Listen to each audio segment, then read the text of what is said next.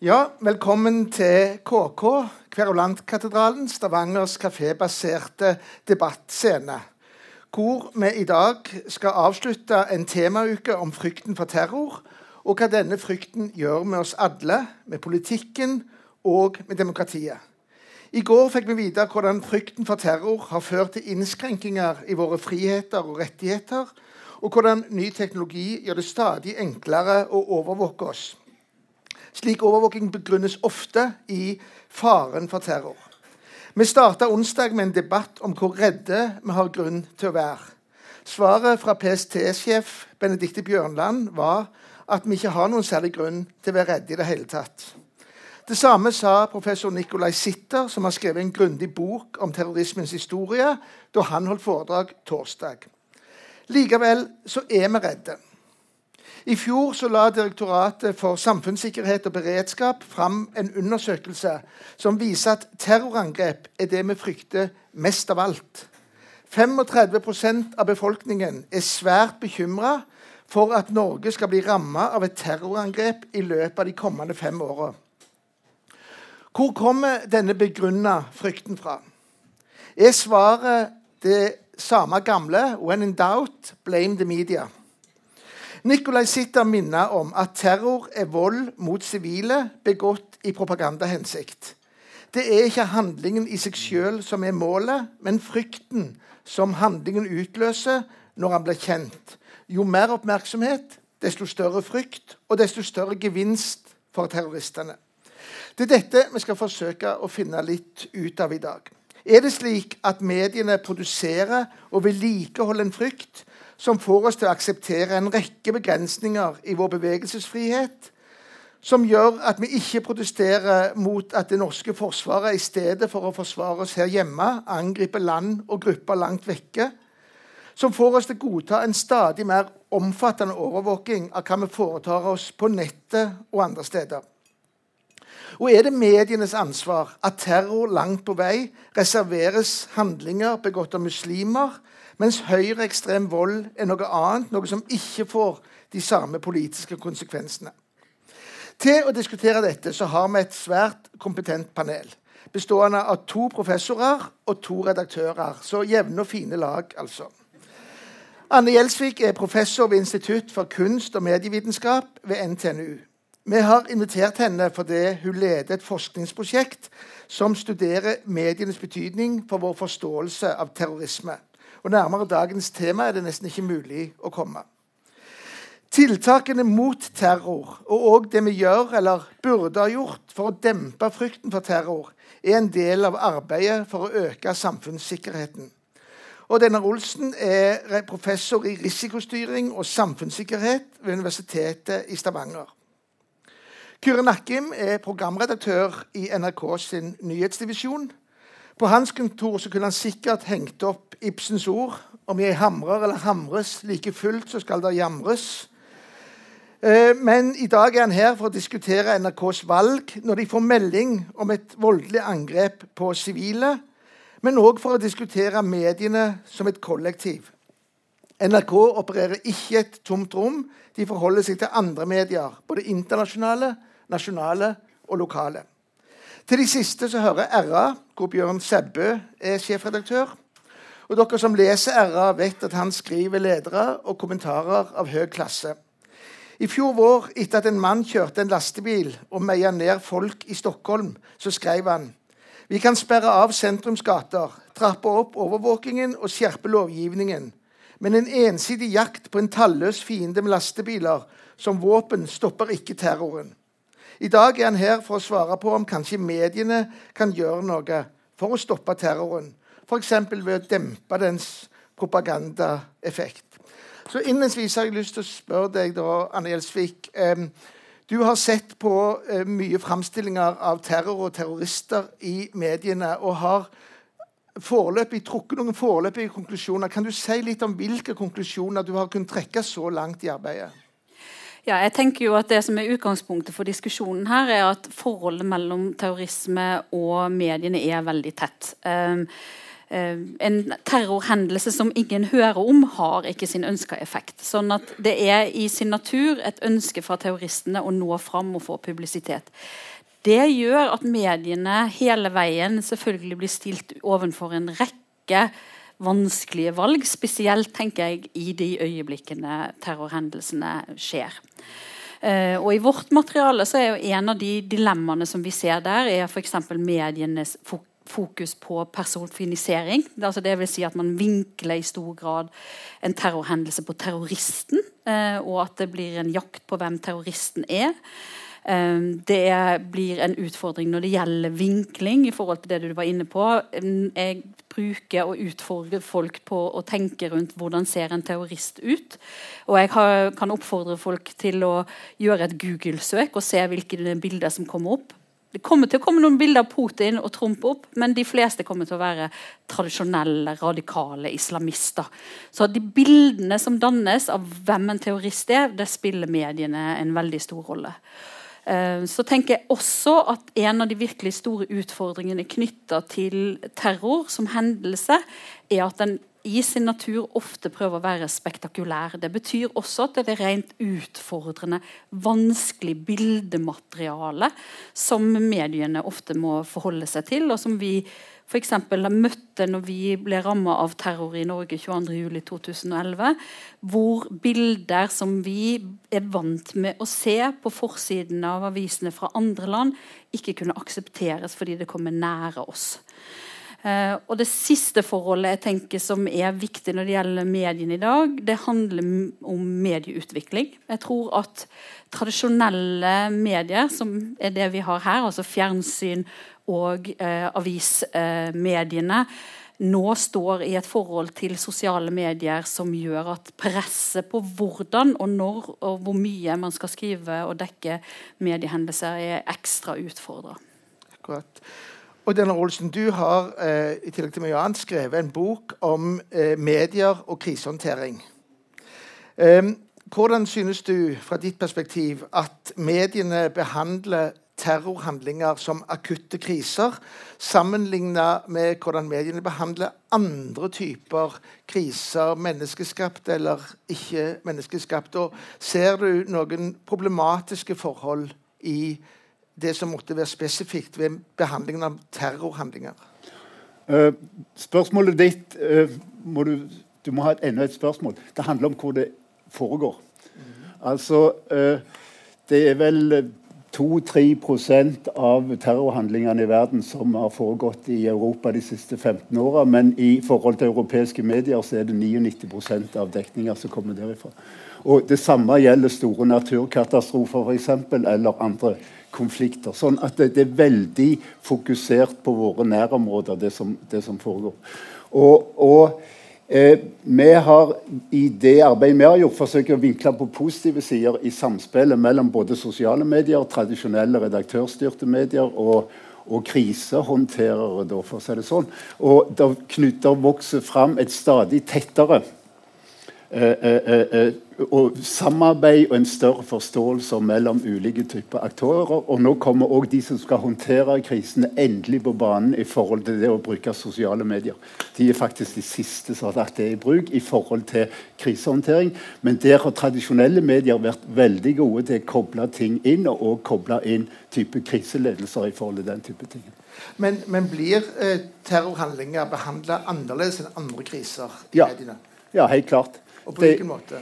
Altså, det er jo spektakulært, sånn som ble sagt tidligere her. Og det gjør at, at du får en type vegg-til-vegg-dekning som gjør at NRK til og med er villig kanskje til å ta vekk et skirenn for å ha en direkte overføring på, på, på det som foregår. Og og det som er, er, galt med den måten å, å, å, å sende på, det er at en tværer ut og sender om igjen og om igjen noe som har skjedd. Som ikke foregår lenger. Og det gjør en på direkten. Og det gjør at du får en veldig detaljert eh, fremstilling av, av, det som foregår. og dermed så En er redd for at en sprer frykt. Det har jeg lyst til å komme til det, Men jeg vil òg tro at det, det, faktisk kan være en smitteeffekt i forhold til den det, det, dekningen. Eksempelet NIS med den lastebilen som, som, som ble kjørt og drepte 86 mennesker.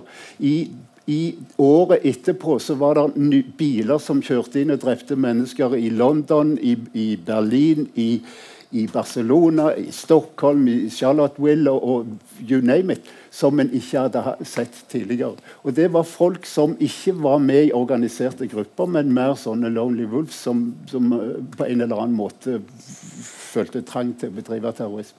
Det skjer aldri i forhold til si, tradisjonelle konflikter, og i alle fall ikke med naturkatastrofer. Da er det mye sakligere måte å gjøre det på. Da er det helt naturlig å spille ballen over til deg, Kjøren Akkim, som da sitter her og skal svare for NRKs eh, prioriteringer og vurderinger. Etter angrepet i NIS så fikk vi jo faktisk en slags sånn terroris terrorisme minutt for minutt. Uten at det kanskje var så mye å melde. Så jeg lurer innledningsvis på hva hva slags diskusjoner har dere i NRK for kriterier for å starte og holde i gang en ekstra sending, enten det er på nrk.no eller det er på fjernsyn? Først må vi tenke ut eh, hvordan mediebildet er blitt. Eh, det er slik at eh, Mer og mer av dekningen har blitt det vi kaller sanntidsjournalistikk. altså journalistikk mens ting fortsatt skjer. Og Det er et resultat av at samfunnet dreier seg hurtigere og hurtigere, og at sosiale medier er der hele tiden, og at publikum forventer å få informasjon når det skjer. Man, I gamle dager så kunne man vente til klokken 19, skru på Dagsrevyen og få med seg det som skjedde. I dag så, så er ikke publikum der. Det betyr at vi, vi har fått noen utfordringer eh, ved å kunne drive dette og en andre måter å drive eh, journalistikk på enn det kanskje var tidligere. Og det er ikke tvil om at vi lærer underveis. Eh, at vi har, eh, i denne overgangen også har gjort eh, feil eh, og, og, og, lært ting. Først og fremst så, så prøver vi å se om hva som er årsaken, hva som ligger bak, men også hva er Eh, de meldingene som politi og myndigheter går ut med rundt dette. Eh, det var nok en liten periode at vi var litt for raske. Eh, gikk litt for mye på. Vi var kanskje litt for redde, vi også, sånn som befolkningen var. Og at vi ikke klarte å ha, ha hodet kaldt nok. Vi går ofte på nå, men vi går veldig fort av igjen. Det er jo også det, det, ideen, og det er slik du må gjøre for å, for å kunne drive krisehåndtering, som, som, vi også er en del av, av av, samfunnets krisehåndtering på mange måter. Og det Du gjør er at du går på, gjør deg klar til å sende, forteller hva som skjer. og Hvis du ser at det ikke er uh, en hendelse av den karakter som den bør være, så skal vi også trekke oss fort tilbake og fortelle hva det handler om. At Denne gangen var det en person som var kanskje forstyrret, uh, er, er, er, tatt av politiet, tatt hånd om, og det var ikke noe mer å fortelle. Mens vi har andre hendelser, som f.eks. I, i, Frankrike, vi, eh, vi, hvor, hvor, hendelsen er pågående, og vi fortsetter å fortelle. Og Hvorfor gjør vi det? Jo, fordi folk som er interessert, de sitter og følger med på sosiale medier. Og det som er der, det er ikke eh, bekrefta. Der foregår veldig mye som er falsk, som er feil, hvor folk prøver å få det til å fremstilles annerledes enn det det er. Og vi har både kapasitet og trening til å kunne ta og luke bort det som ikke er bekreftet. Og det er I langt større grad enn vanlig publikum er. Og Den treningen må vi jo bruke også mot publikum. Men eh, det skjer jo en rekke hendelser, dramatiske hendelser i verden som enten har en kriminell bakgrunn eller en bakgrunn i psykiatri, eller er rene uhell. Eh, så når dere får inn en melding så for å tenke at dette kan eller er sannsynligvis en terrorhandling og skal behandles på en annen måte, hvilke kriterier er det da som eh, dere ser etter? Altså først og fremst ser vi, Hvis det er terror, så ser vi etter om, det er, om man ønsker å ha en politisk gevinst av det. Om det står noe mer bak. Og Der er, også, er det forskjell på om det er en ensom ulv som bare eh, på en måte søker den oppmerksomheten, eller kanskje har gått mot terror uten at det ligger noe dypere bak der, eller om det står en organisasjon bak. Men noen ganger er også de som er si, ensomme ulver, eller bare er psykisk forstyrra. Eh, at hendelsen er så stor at publikum ønsker informasjon. Altså, du hadde skytingene i Las Vegas, som er en forferdelig hendelse. En stor og markant hendelse som vi mener at vi skal uh, gi best mulig bilde av hva som har skjedd. Også for å luke ut at der hvor folk sier at dette er terror, eller dette er en organisasjon som står bak, så kan vi fortelle at nei, det er det ikke. Det er faktisk sånn at er, Politiet har tatt hånd om det, er rolig. Det er ikke IS som står bak denne gangen. Det er også veldig viktig å si. I, eh, jeg søkte på nrk.no i morges, med alle forbehold overfor både mine pressekolleger og akademikerne om metod, store metodiske svakheter. Så eh, Luca Treini han kjørte en bil eh, i, rundt i en norditaliensk by og skjøt alle farger han så. Og når han var ferdig, så hadde han drept seks afrikanske innvandrere. Han hadde hakekors i ansiktet og var svøpt i det italienske flagget. Han blir ikke omtalt som terrorist i de sakene som ligger ute på nrk.no. Anes Amri han kjørte en lastebil inn i julemarkedet i Berlin og drepte tolv. Han omtales konsekvent som terrorist. Det eneste som skiller de to, som er åpenbart, det er at den siste er muslim, og den første er en italiensk nasjonalist. I hvilken grad er det sånn at det at noen roper 'Allahu akbar' eller ser, har, ser ut som uh, han kommer fra Midtøsten, er et eget selvstendig kriterium for å tenke at dette er en terrorhandling? Du må vurdere hver enkelt sak for seg. og det er ikke tvil om at Vi brukte mye tid på den uh, saken i Italia. Uh, på å diskutere hvorvidt det var en terrorhandling eller ikke. Og Der lente vi oss tilbake også mot italienske medier og italienske uh, myndigheter, som påpekte at det var en forstyrret mann som på en måte brukte dette. og Så kan det hende at vi gjorde feil. Jeg tror tidsaspekt her er også er viktig. At vi har lært underveis. Vi har blitt mer skeptisk til disse ensomme ulvene. Vi bruker ikke terrorgrepet så lett som vi gjorde. Uh, og dette har vært en overgang for oss. det er ikke tvil om det, at Vi, vi har kanskje gjort uh, feil. Vi var for, litt for raske på labben på å påpeke at det var politisk terror bak. Og så er det vanskelig noen ganger i disse, uh, i disse situasjonene. Uh, det kan være en person som har blitt radikalisert uh, kort tid før, og som ønsker å være og, å utøve noe. Og, og da var, er han da en terrorist på vegne av IS, inspirert av IS? er han en terrorist i hele tatt, eller er han bare et menneske som er psykisk forstyrret? Eller er det en kombinasjon av disse tingene? Vanskelig. Mm. Jeg tror ikke noen egentlig har det helt eksakte svaret. Bjørn Sebø, eh, Herbjørn Sørebø sa en gang da han var sjef av Dagsrevyen, at jeg sitter her og lurer på om vi skal dekke en demonstrasjon som det ikke blir noe av hvis vi ikke kommer. Eh, og det minner jo litt om det gamle pasifistiske slagordet 'Tenk om det blir krig og ingen kom'. Eh, kan det være at det gjelder for krigen mot terror òg? At hvis pressen Den letteste måten å vinne krigen mot terror på, er faktisk at pressen ikke stiller opp? Klart, Hvis vi har det som utgangspunkt at uh, vi ikke skal dekke uh, terrorhendelser og krig, uh, hvem har da vunnet? Altså, Har vi da pålagt oss sjøl en sensur som gir motstandere av ytringsfrihet rett? Og, så jeg er ikke helt... Det er også en historie fra Odd Karsten Tveitzen, en av hans perioder i, i Beirut da var jo druserne var oppe i fjellene, og de skjøt jo ofte på bestilling for å gi Dagsrevyen gode bilder. Så, det, det, den, så ak ak akkurat den uh, problemstillingen har han jo hatt i, uh, i mange år. Men, men igjen, at, jeg synes denne debatten viser veldig godt, illustrerer veldig godt at forskerne har sitt materiale sitter egentlig med fasiten i hånd. vi som er redaktører, vi sitter underveis og skal ta mer eller mindre gode vurderinger eh, eh, i situasjoner som kan være ekstreme. 22.07 var òg ekstremt for våre kollegaer i Oslo. Eksempel. jeg har Mine kollegaer i eh, Dagsavisen holdt til i Grubbegata, og de måtte jo evakuere. og Det var jo egentlig flaks at de overlevde. VG det samme. Og I dette så skal han prøve å oppfylle samfunnsoppdraget som der en er virkelig under press og får testa alle sine, alle sine redaktørceller, for å si det sånn.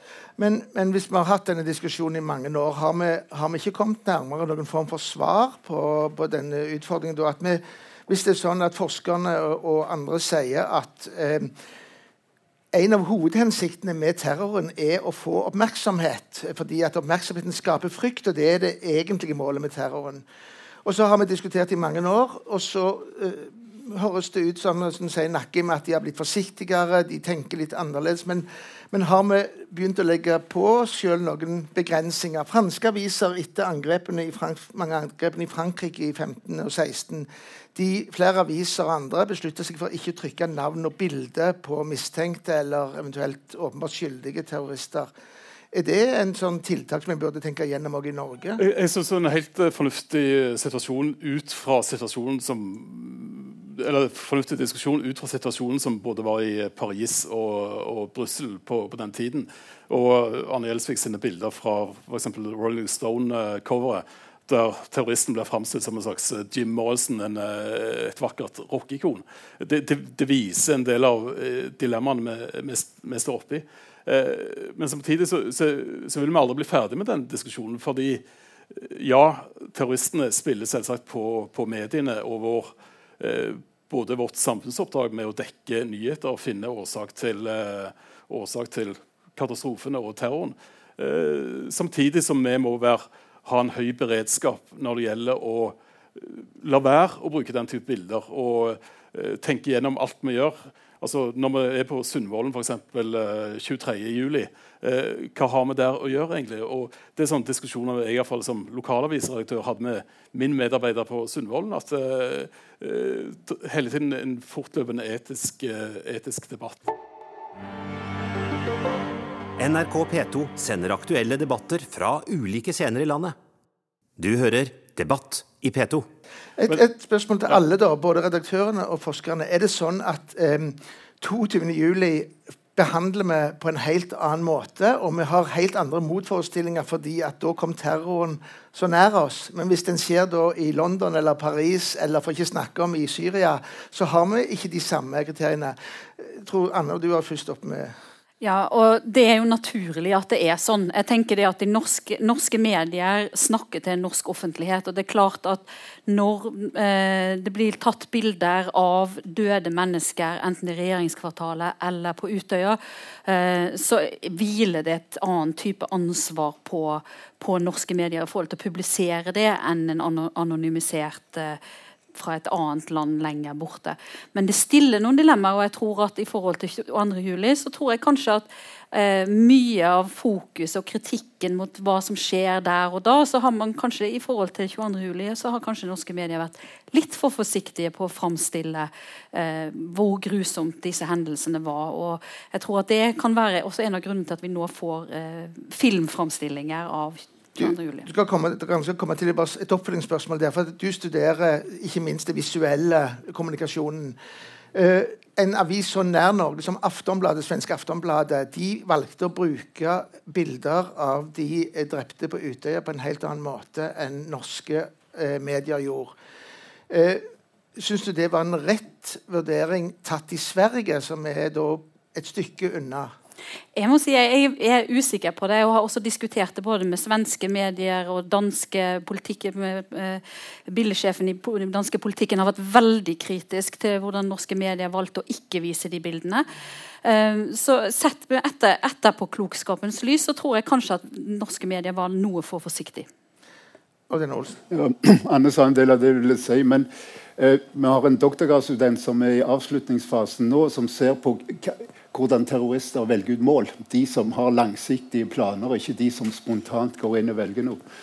Uh, uh, og det, det, som kommer fram, er at en bruker betydelige ressurser, kanskje oppi 80% av energien, på å finne fram til mål som gir mest mulig oppmerksomhet.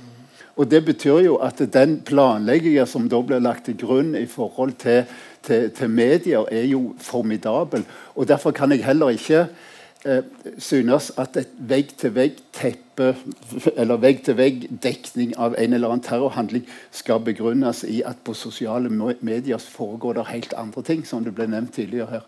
For Hvis du er på sosiale medier, så er du kanskje ikke på NRK i det hele tatt. sånn at det blir ikke noe sånn balanse akkurat på de tingene der. Og, og, og det en òg må ta hensyn til, som, som jeg mener en gjerne ikke tar hensyn til, det er at Eh, eh, det er noe som heter fryktfaktoren. Siden 80-tallet har det vært mye god og systematisk forskning på hva er det som gjør at vi blir redde, hva er det som gjør at vi overdriver en risiko, hva er det som gjør at vi undervurderer en risiko. Og Det kan handle om ting som har du kontroll over situasjonen. Er han påført eh, meg fri, eh, av andre? Eh, eh, er det gjort i, i ondskap? Eh, er det kort tid mellom hendelsen og konsekvensen osv.? En del sånne faktorer. Terrorisme slår inn på alle de. Topp score. Så eh, terrorisme er absolutt topp score i forhold til det folk blir redda fra. Og det, for, og det betyr jo òg at det, det, blir veldig lett eh, eh, eh, å spille eller Det blir veldig lett å skremme folk omtrent uansett hva vi de gjør. Jeg mener De skal dekke det, men en må slutte med disse detaljerte direktesendingene som, som ikke bidrar med noe nytt. Kørnakken, du, du, har en sentral plass i den viktigste nyhetsorganisasjonen i Norge. Og Nå hører du forskerne si at du er egentlig en del av kalkulasjonen når terrorister bestemmer seg for hva de skal gjøre, og hvordan de skal gjøre det. Da prøver de å antisipere hvordan du og dine kolleger vil reagere. Og jo mer offensivt du reagerer, jo mer du bruker plass, jo, jo lenger du går, jo, jo, sterkere er faren for at du faktisk er med på å oppfylle hensikten med handlingen. Er, hvordan forholder du deg til et slikt dilemma? Det er, ja, det er et dilemma. Eh, og så må vi tenke på hva publikum har behov for å vite, eh, og kunne gi den informasjonen som publikum har behov for å vite.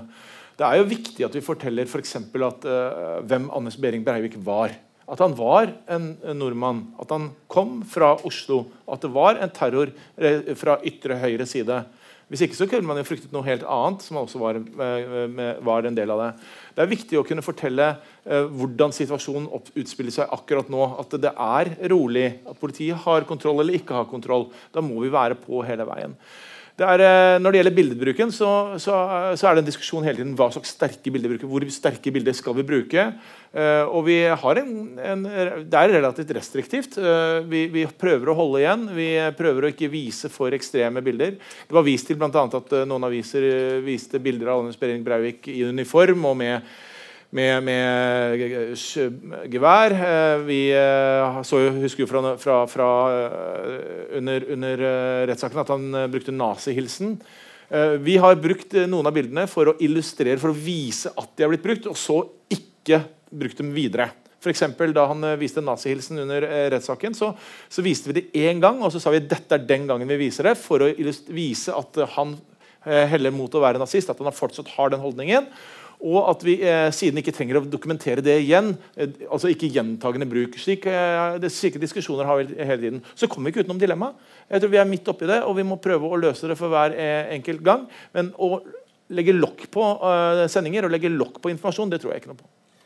Da skal vi si til P2s lyttere at vi er inne fra KK, Kverulantkatedralen, Stavangers kafébaserte debattscene, hvor vi er midt i en debatt om medienes eh, rolle i terror. I hvilken rolle fungerer mediene som nyttige idioter for terroristene ved at en oppfyller det som blir sett på som terrorens sentrale mål, nemlig å skape frykt i samfunnet. Og Vi har med oss to professorer og to redaktører for å diskutere dette. Og Jeg spør deg, eh, Bjørn Sebbe, redaktør i RA.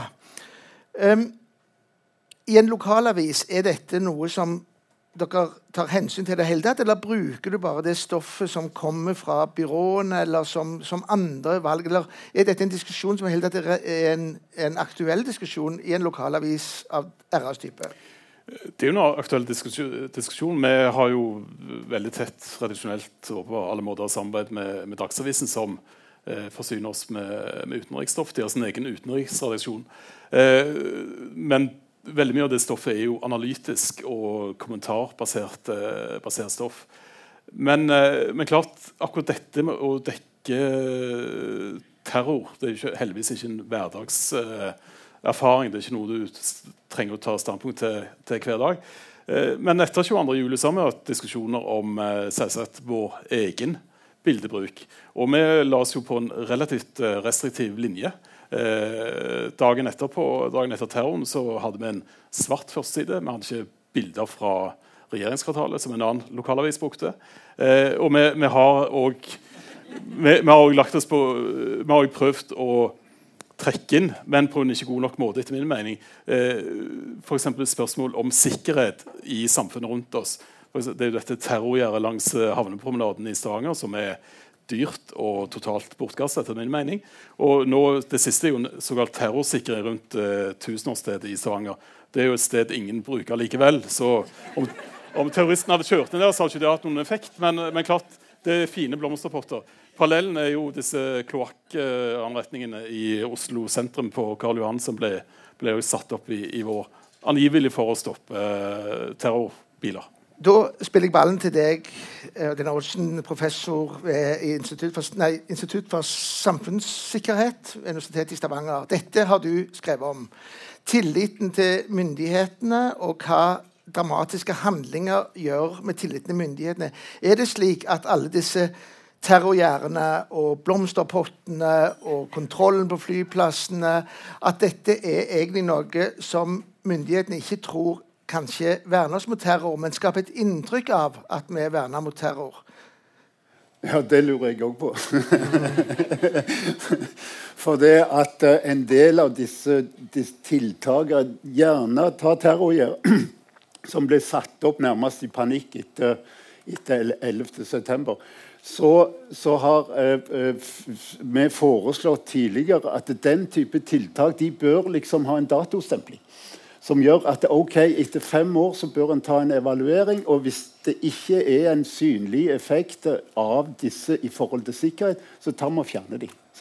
Men problemet med sikkerhet det er det at det er ingen som tør å reise seg opp og si at nå er jeg dritlei av dette snakket, nå må vi komme videre her i livet og, og liksom konsentrere oss om noe annet. Sikkerhet er kanskje det sterkeste retoriske grepet du kan ta hvis du er interessert i å, oppnå et eller annet. Og derfor så tør ingen å flytte på eksisterende eh, sikkerhetsinstallasjoner. Og det er òg noe annet som jeg mener er viktig, eh, og, og, som kanskje mediene er litt lite oppmerksom på. Det, det, det er noe som heter securization. Og det er kunsten å gjøre et politisk problem om til et spørsmål om sikkerhet. For hvis du klarer det, så har du vunnet diskusjonen. Sant? Og det, det, beste eksempelet på det det var flyktningstrømmen som kom i 2015. I utgangspunktet så var det en, en, en, vennlig, åpen, humanistisk tilnærming til folk. Alle var interessert i å hjelpe og bidra.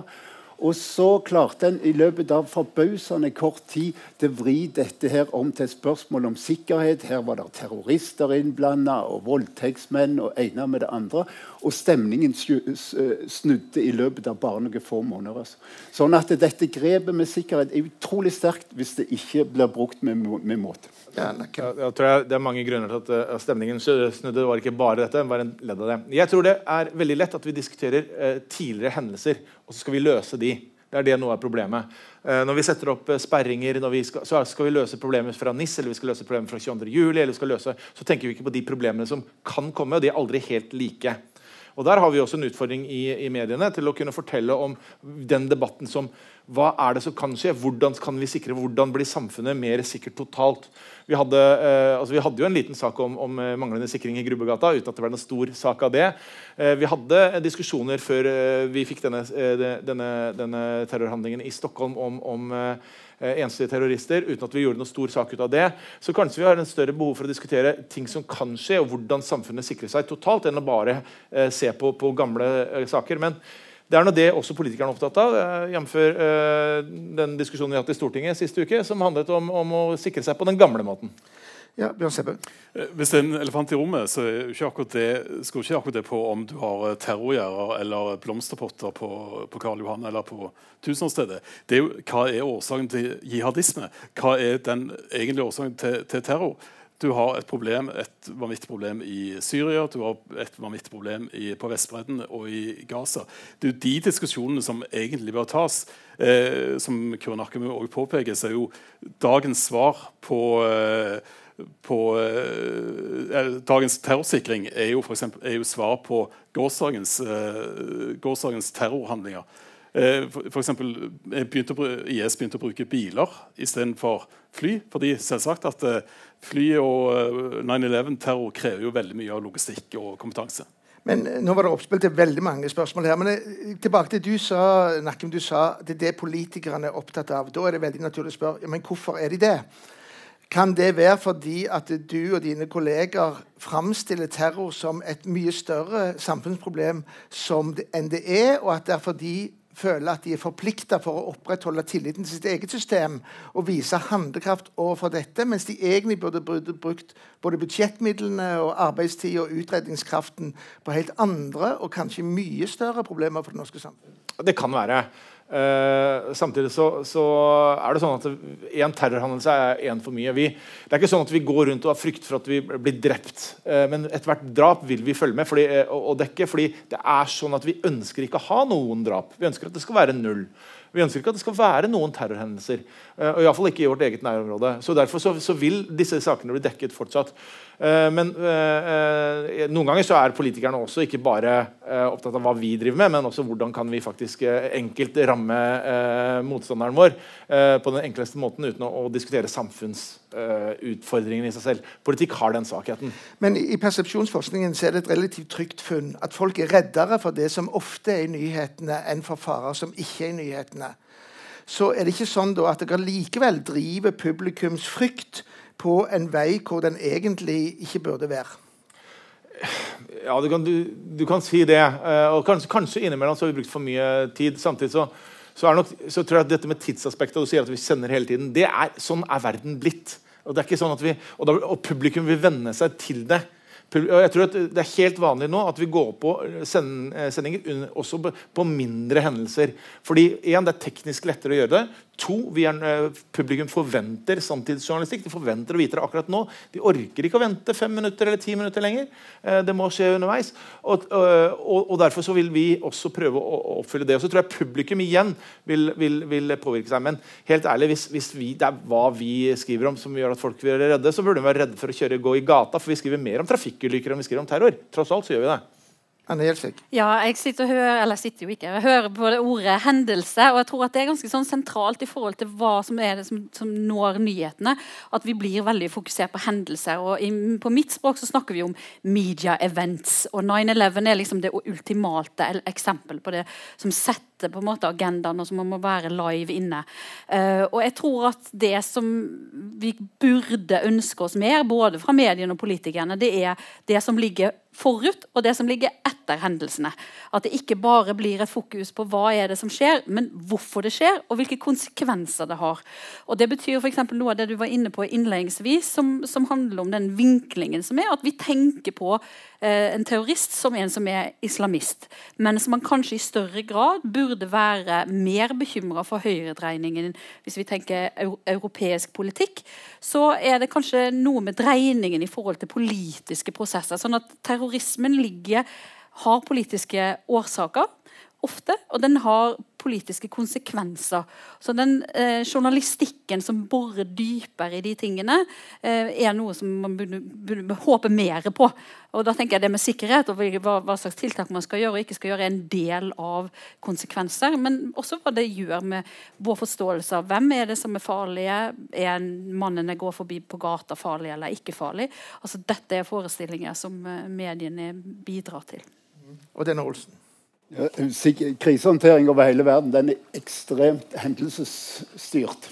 Og En prøver da som regel å planlegge og forberede seg til det som allerede har skjedd.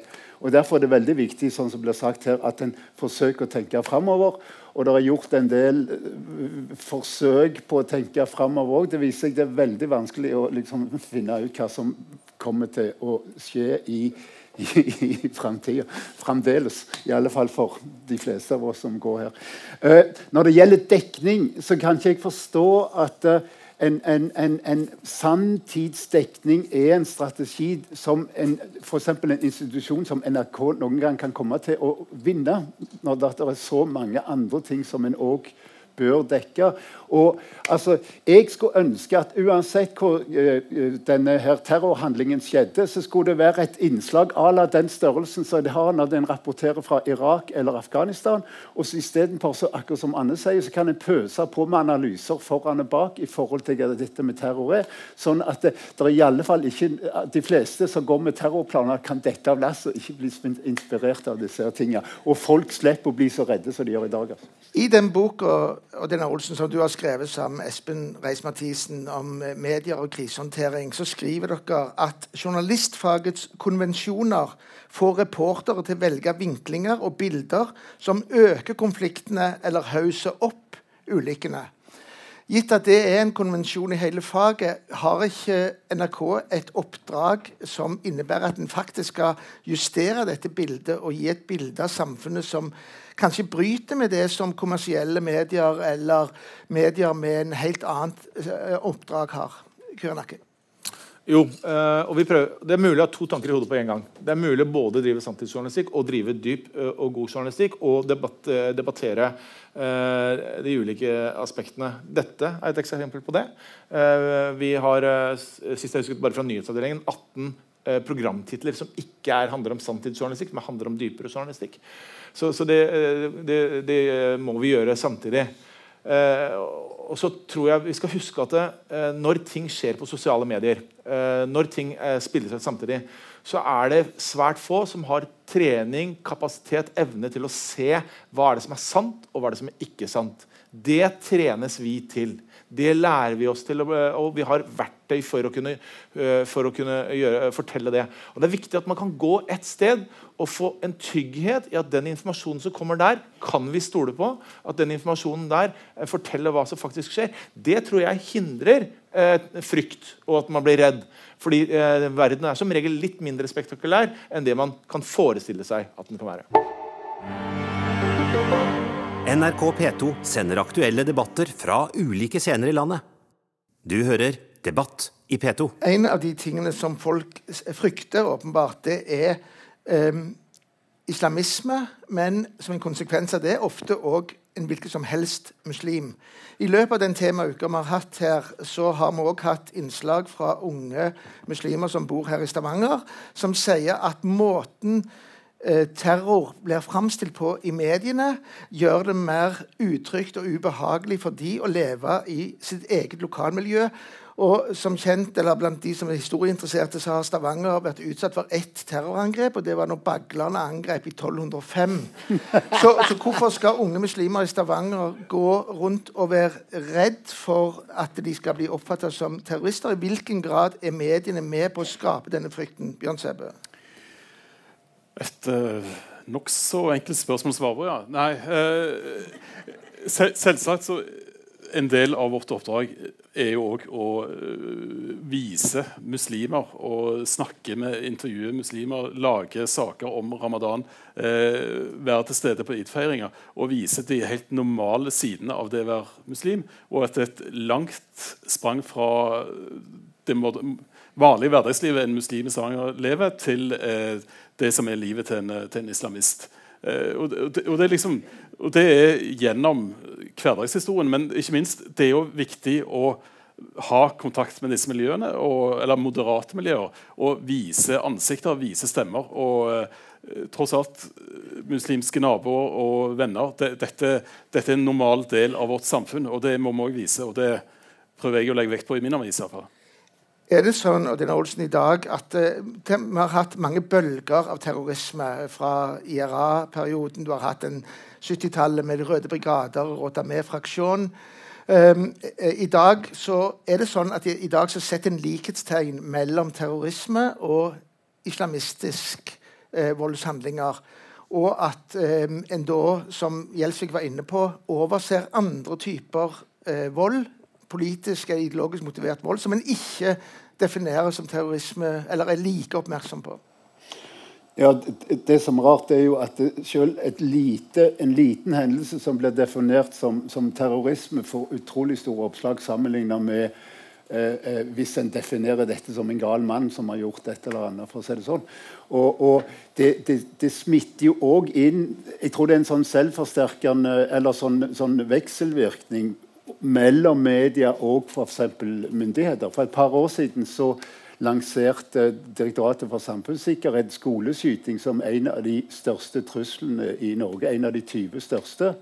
Og, og altså, I Europa har det vært fem skoleskytinger overhodet. Det var to i Finland, to i Sverige og så den siste en i England.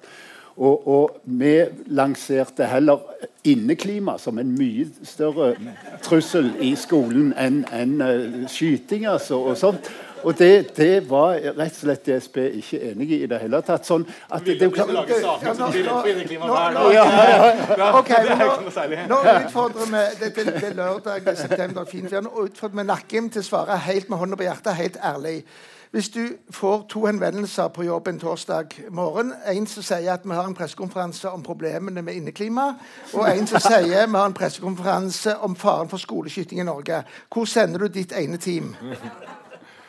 Eh, først vil jeg spørre uh, om, noen, om var, hva var nytt. Uh, er først, hva er det publikum ikke vet? Jeg, jeg vet av, av erfaring at publikum er faktisk opptatt av inneklima hvis det er noe nytt som er informasjon, og, og gjerne også hva de kan gjøre noe med det.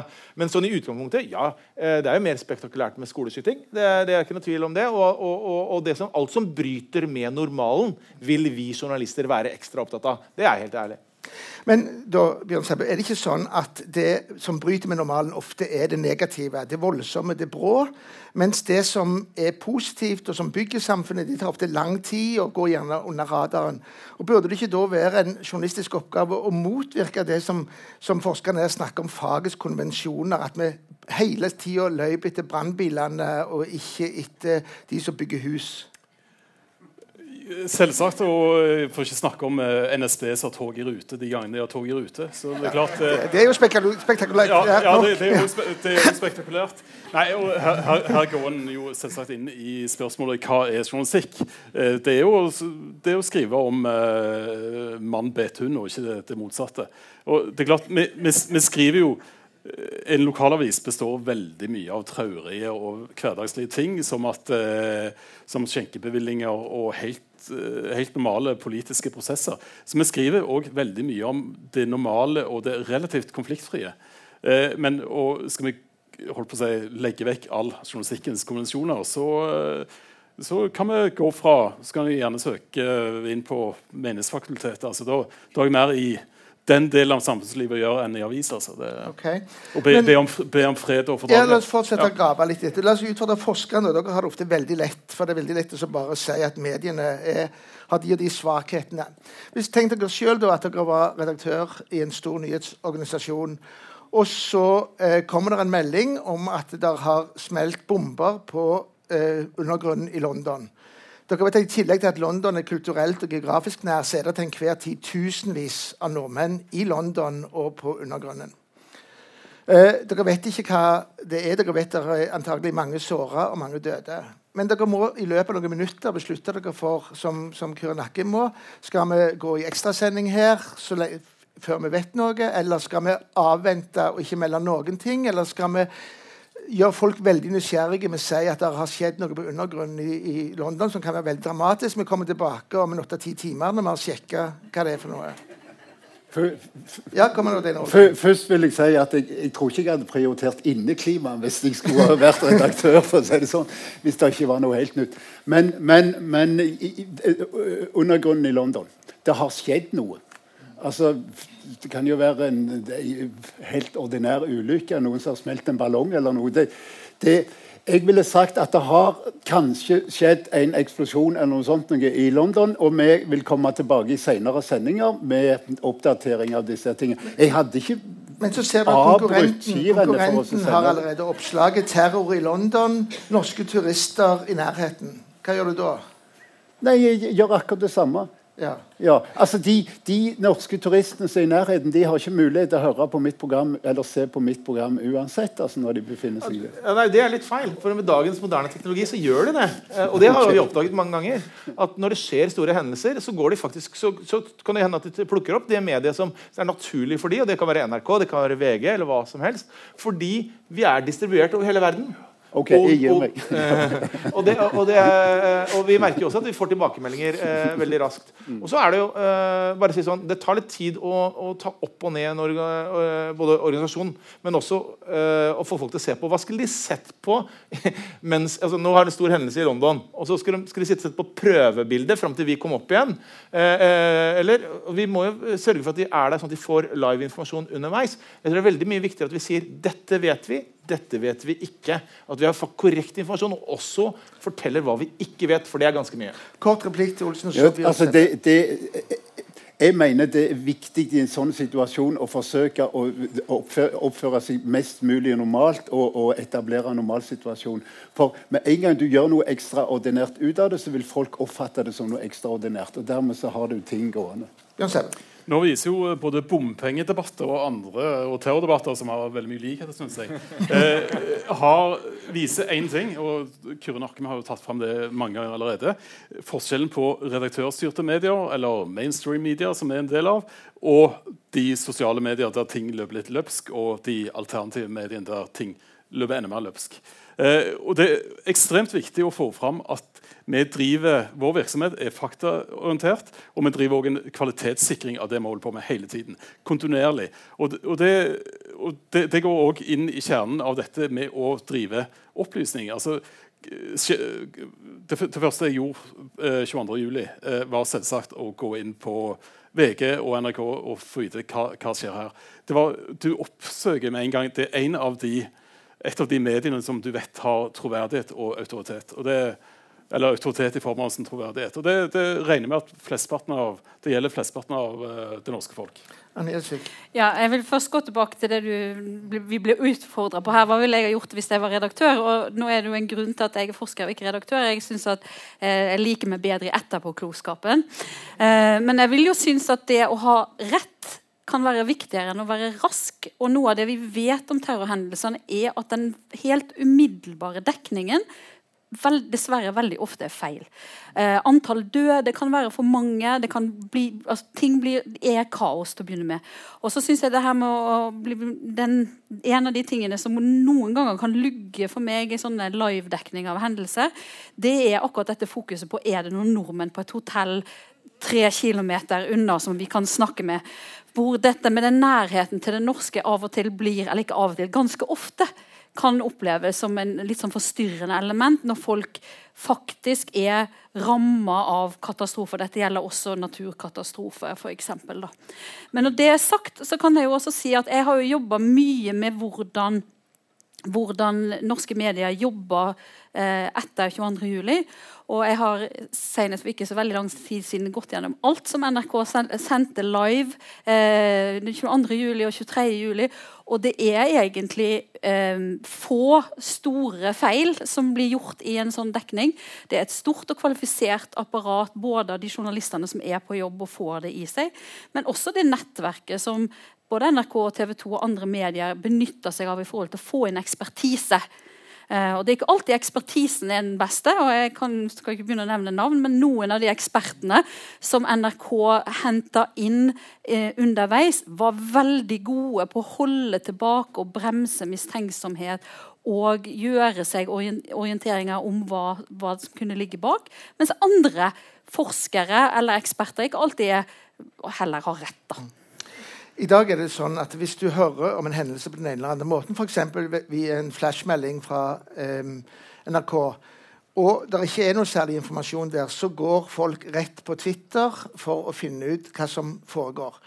Eh, og så Mens da din stab Nakkim sitter og vurderer eh, hvor eh, mye er dette, hvor riktig det er det, eh, så, så, så, driver altså de sosiale mediene med en kontinuerlig strøm og etablerer kanskje et, bilde av hva som har skjedd. I hvilken grad påvirker det både farten og de beslutningene dere tar i redaksjonen, at dere vet at det foregår på de sosiale mediene? Er, jeg tror En periode så, så ble vi kanskje mer stressa av det. Men det er helt riktig, vi sier også at du, ikke, altså du er ikke først hvis du ikke har rett. Så du skal jo være uh, først ute med det som er korrekt informasjon.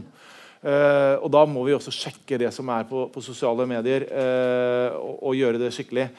Har, det, vært, uh, det, finnes massivt med eksempler på folk som utnytter situasjonen ved å spre feilinformasjon. falske bilder, falske videoer, feil informasjon, utgi seg for å være noen andre enn det de er, osv. Uh, så jeg tror der, vi, der, holder vi tilbake. Men det er nok Vi har jo kanskje noen ganger også stilt litt for, for mye på konkurrenten. Eh, og det har nok vært en, en sterkere eh, utfordring for oss enn å, enn å sitte og se på, på, eh, sosiale medier. Så når kanskje VG kommer med en, et oppslag, og vi føler at vi, vi, ikke er like flinke til å gi informasjon som VG er, at det kan eh, presse oss. Og Der har vi også prøvd å bygge flere skranker og bedre skranker enn det vi hadde tidligere. Nå går det raskt mot slutten her, så vi skal gi alle en sjanse til en siste replikk. og Da vil jeg gjerne utfordre de to forskerne til å si hvilke råd vil dere ut fra deres kunnskap gi til disse to pressefolkene om den journalistiske behandlingen av framtidige terrorhendelser. Og de to redaktørene Gitt at vi har lært i løpet av disse dagene at terrorfaren er så liten i Norge at vi bør ikke gå rundt og frykte den, samtidig som vi vet at store deler av befolkningen faktisk frykter terror, og det ser ut til å være en sammenheng mellom pressedekningen og mediedekningen av terrorhendelser og denne frykten. Hva slags konsekvenser trekker dere av det? Da begynner vi med Odd Olsen, og så jobber vi oss bortover rekka. Det var så langt spørsmål til journalistene at jeg liksom gjentar det, det til forskerne. Hvilke råd, basert på det du vet, hvilke råd vil du gi disse to herrene? Jeg vet ikke om jeg skal gi råd til de i forhold til det som har med det journalistiske arbeid. For jeg, jeg vil jo si grunnleggende at norske medier er veldig gode. Altså, jeg er jo kjempefan av NRK. Jeg abonnerer mye, langt flere aviser enn det jeg klarer å lese. for å si det Sånn Sånn at det er ikke en sånn en generell eller sånn fundamental kritikk av, av medien. Men det går på det som jeg har, har, har sagt tidligere. Det er det at eh, eh, Rapporter når det er noe nytt å rapportere. Og ikke hold det gående, hold det gående. Liksom. Det var vel i Stockholm det at NRK sin reporter ble sittende i jernbanevogn flere kilometer fra sentrum var det ikke det? Og, og, og rapporterte på direkten. Det, det er ikke så veldig godt. Jeg tenker Vær forsiktig med det spektakulære, vær forsiktig med det personfokuserte, og, ta, og pust med magen. Kjørnakken.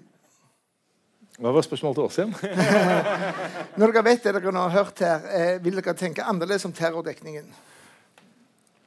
Jeg, jeg tror det er viktig for oss å, å normalisere eh, det som er normalt. Altså, vi snakket litt om eh, at det kunne være unge muslimer som følte at de ble stilt ansvarlig for den terroren som, uh, som skjedde. At uh, det er uh, grupperinger som, som blir sett uh, stygt på, som, som, ikke skal det. Jeg tror for oss å fortell det normale. Og så tror jeg publikum selv klarer å, å, si hva som er ekstraordinært, og skille ut en del av det. Uh, og Kanskje skulle vi gått rundt og vært eh, redd for, for uh, trafikkulykker uh, hele tiden. Vi er ikke det, fordi vi skal tross alt bruke bil osv. Så, videre. så det her tror jeg normaliserer seg. Bjørn Sebbe. Jeg er mer livredd, jeg er mer redd for lysløypa i Stavanger en lørdagskveld enn å ta fly til, til Tyrkia, for å si det sånn. Uh, jeg er enig med, med, å skrive om det normale, og samtidig som vi òg får fram analysene hva skaper terror. Og ikke minst unngå å lage skremmebilder av moderate muslimer. Fint. Da sier vi tusen takk til dere fire i panelet. Spesielt takk til Anne Gjelsvik, som har også holdt en innledning her som radiolytterne dessverre ikke fikk med seg. Og takk til dere som kom på en sjelden fin uh, septemberlørdag i Stavanger.